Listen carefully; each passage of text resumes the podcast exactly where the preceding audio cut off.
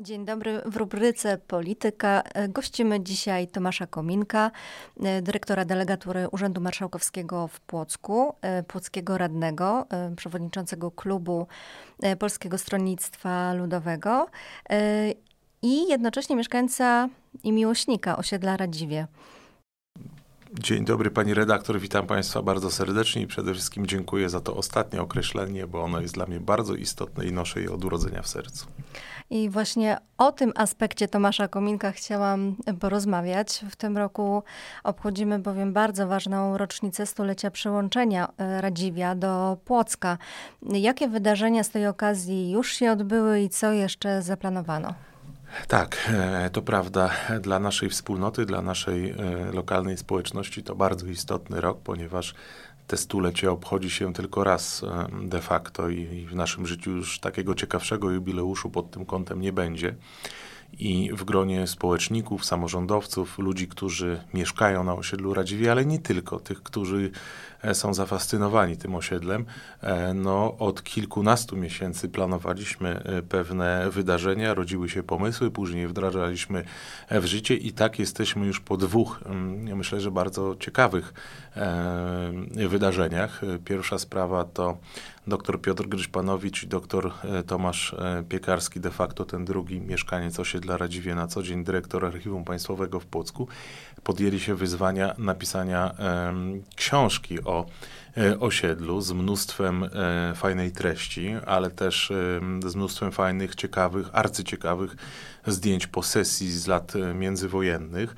E, książka wydana, staraliśmy się wspólnie wydać ją bardzo um, dobrze na pewnym takim e, poziomie klasowym.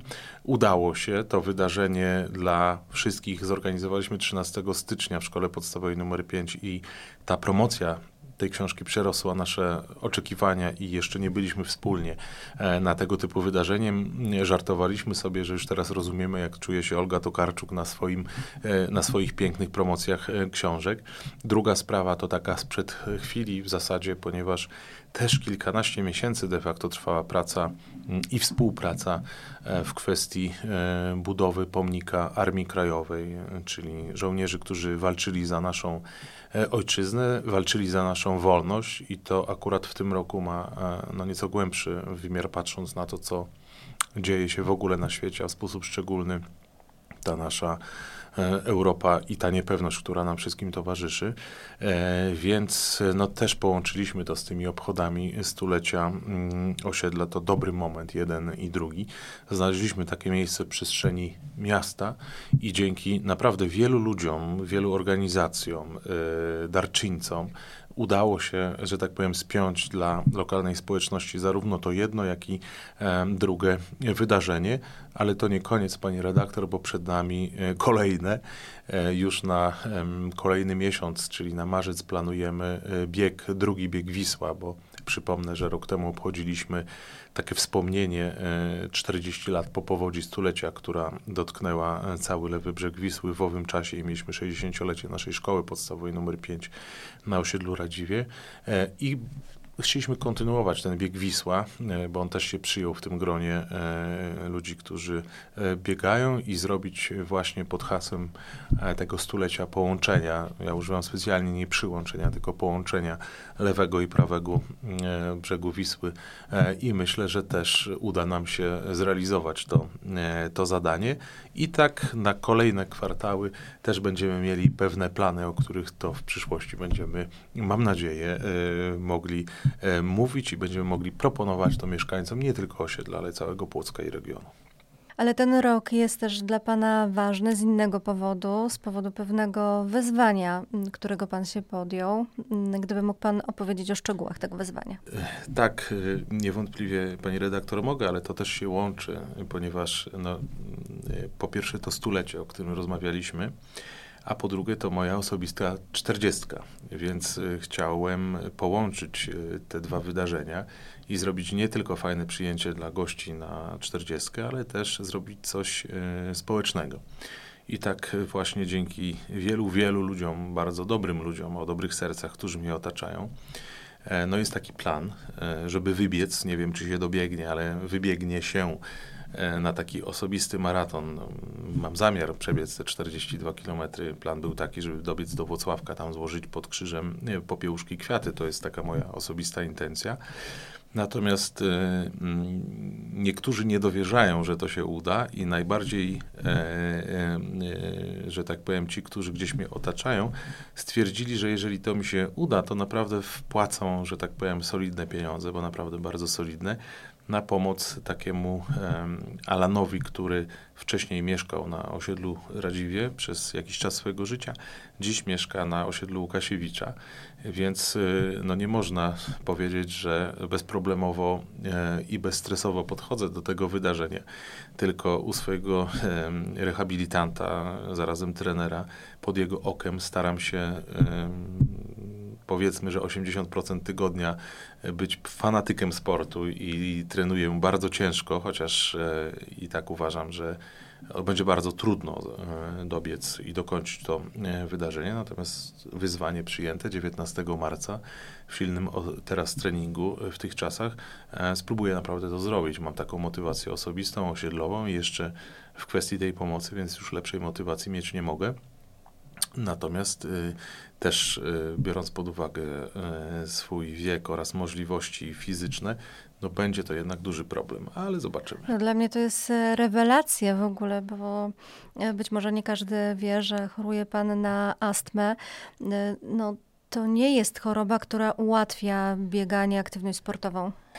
I tak, dokładnie 12 lat temu zaczęła się przygoda z astmą, a 3 lata temu zaczęła się przygoda z trzema przepuklinami w kręgosłupie, w tym taka jedna, która jest e, średnia. E, uciekłem spod operacji, ale o tym nie chcę mówić, bo to wielu ludzi w moim otoczeniu rodzinnym i nie tylko bardzo denerwuje, że się tak zachowałem. No i właśnie od tego się zaczęło, ponieważ szukałem pomocy u tego kolegi rehabilitanta, z którym się zaprzyjaźniłem.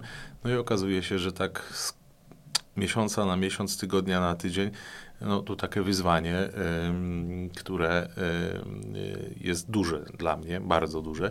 Natomiast muszę powiedzieć, że odkąd uprawiam tę fizyczną aktywność w takim wymiarze nieco większym niż przez całe swoje życie, to naprawdę lepiej się czuję e, i mam nadzieję, że ona pomoże mi ustrzeć się jednak też przed tą operacją na kręgosłup, ale e, mówię, ludzie mają większy krzyż pański i dają radę sobie w życiu, więc i ja mam nadzieję, że e, zrobię coś mądrego tego 19 marca.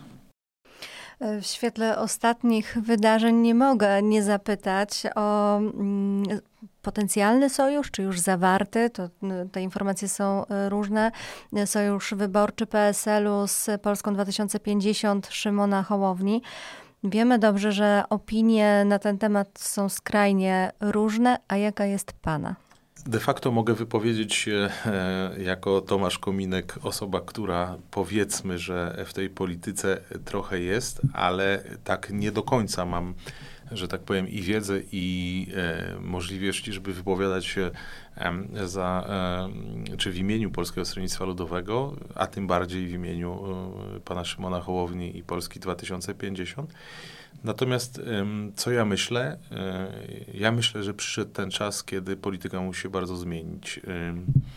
Przyszedł ten czas, kiedy polityka nie może opierać się tylko i wyłącznie na takich negatywnych emocjach i zarzucaniu się tymi emocjami jednej i drugiej strony e, polskiej sceny politycznej. Przyszedł czas na ludzi, którzy E, w pewien sposób muszą zaproponować merytoryczne rozwiązania. E, przyszedł czas, kiedy my nie możemy dawać ludziom negatywnych emocji w świecie, w którym i tak ludzie mają bardzo dużo swoich problemów. E, I też kwestia jest taka, że musimy uświadomić sobie, że to ludzie nas wybierają po to, żebyśmy no jednak służyli i zmieniali to swoje otoczenie dla ich dobra, a nie po to, żeby mm, w pewien sposób teatralnie wykrzykiwać sobie dla słupków politycznych różnego rodzaju e, e, gdzieś tam e, inwektywy. Czy ten sojusz będzie na końcu spięty, czy nie, tego nie wiem. Natomiast wydaje mi się, że na polskiej scenie politycznej powinna pojawić się żywa struktura taka centrowa, która będzie być może dla dużego grona społeczeństwa pewną alternatywą i jakimś rozwiązaniem pomiędzy PiSem a Platformą Obywatelską, bo proszę zwrócić uwagę i to mówię obiektywnie, że panuje bardzo duży taki duopol e, sceny politycznej. Ona się dzieli przede wszystkim na dwa. Wydaje mi się, że jak się e, pojawi taki twór, a tak sobie wyobrażam ten sojusz centrowy, to być może będzie to e, niezłe rozwiązanie. A jak przestaniemy jeszcze w tym e, tworze centrowym opowiadać tylko i wyłącznie o tym, jak odsunąć PiS od władzy, a zaproponujemy ludziom zarówno pozytywne emocje, jak i pozytywne rozwiązania, to wtedy będę mógł powiedzieć, że jako mieszkaniec Radziwia jestem zadowolony. Czyli w polityce więcej merytoryki, a mniej przekrzykiwania się.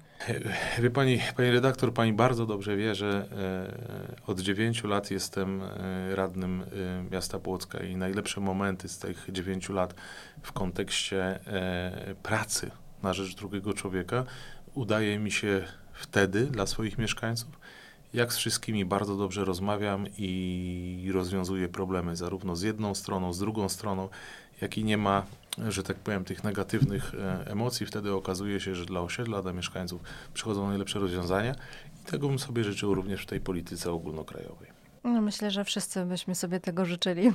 Bardzo dziękuję za rozmowę. Moim gościem był Tomasz Kominek. Bardzo serdecznie dziękuję za zaproszenie. Do zobaczenia i do usłyszenia.